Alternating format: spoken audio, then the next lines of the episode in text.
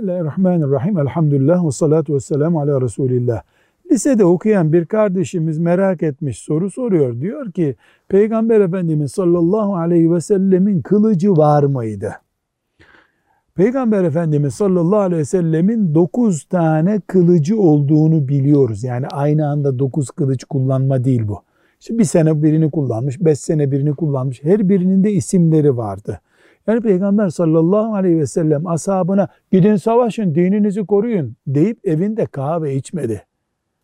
Kahve içmedi, internetle meşgul olmadı. O şurada cihad edilecek dendiği zaman o cihada kendisi de gitti. Kılıç kuşanılacağı zaman kılıç kuşandı. Bunu da yani 8 senede 9 tane kılıç kullanıyor olmasından anladık. Çünkü son senelerinde, son 8 senesinde fiili cihada katılmıştı sallallahu aleyhi ve sellem Efendimiz.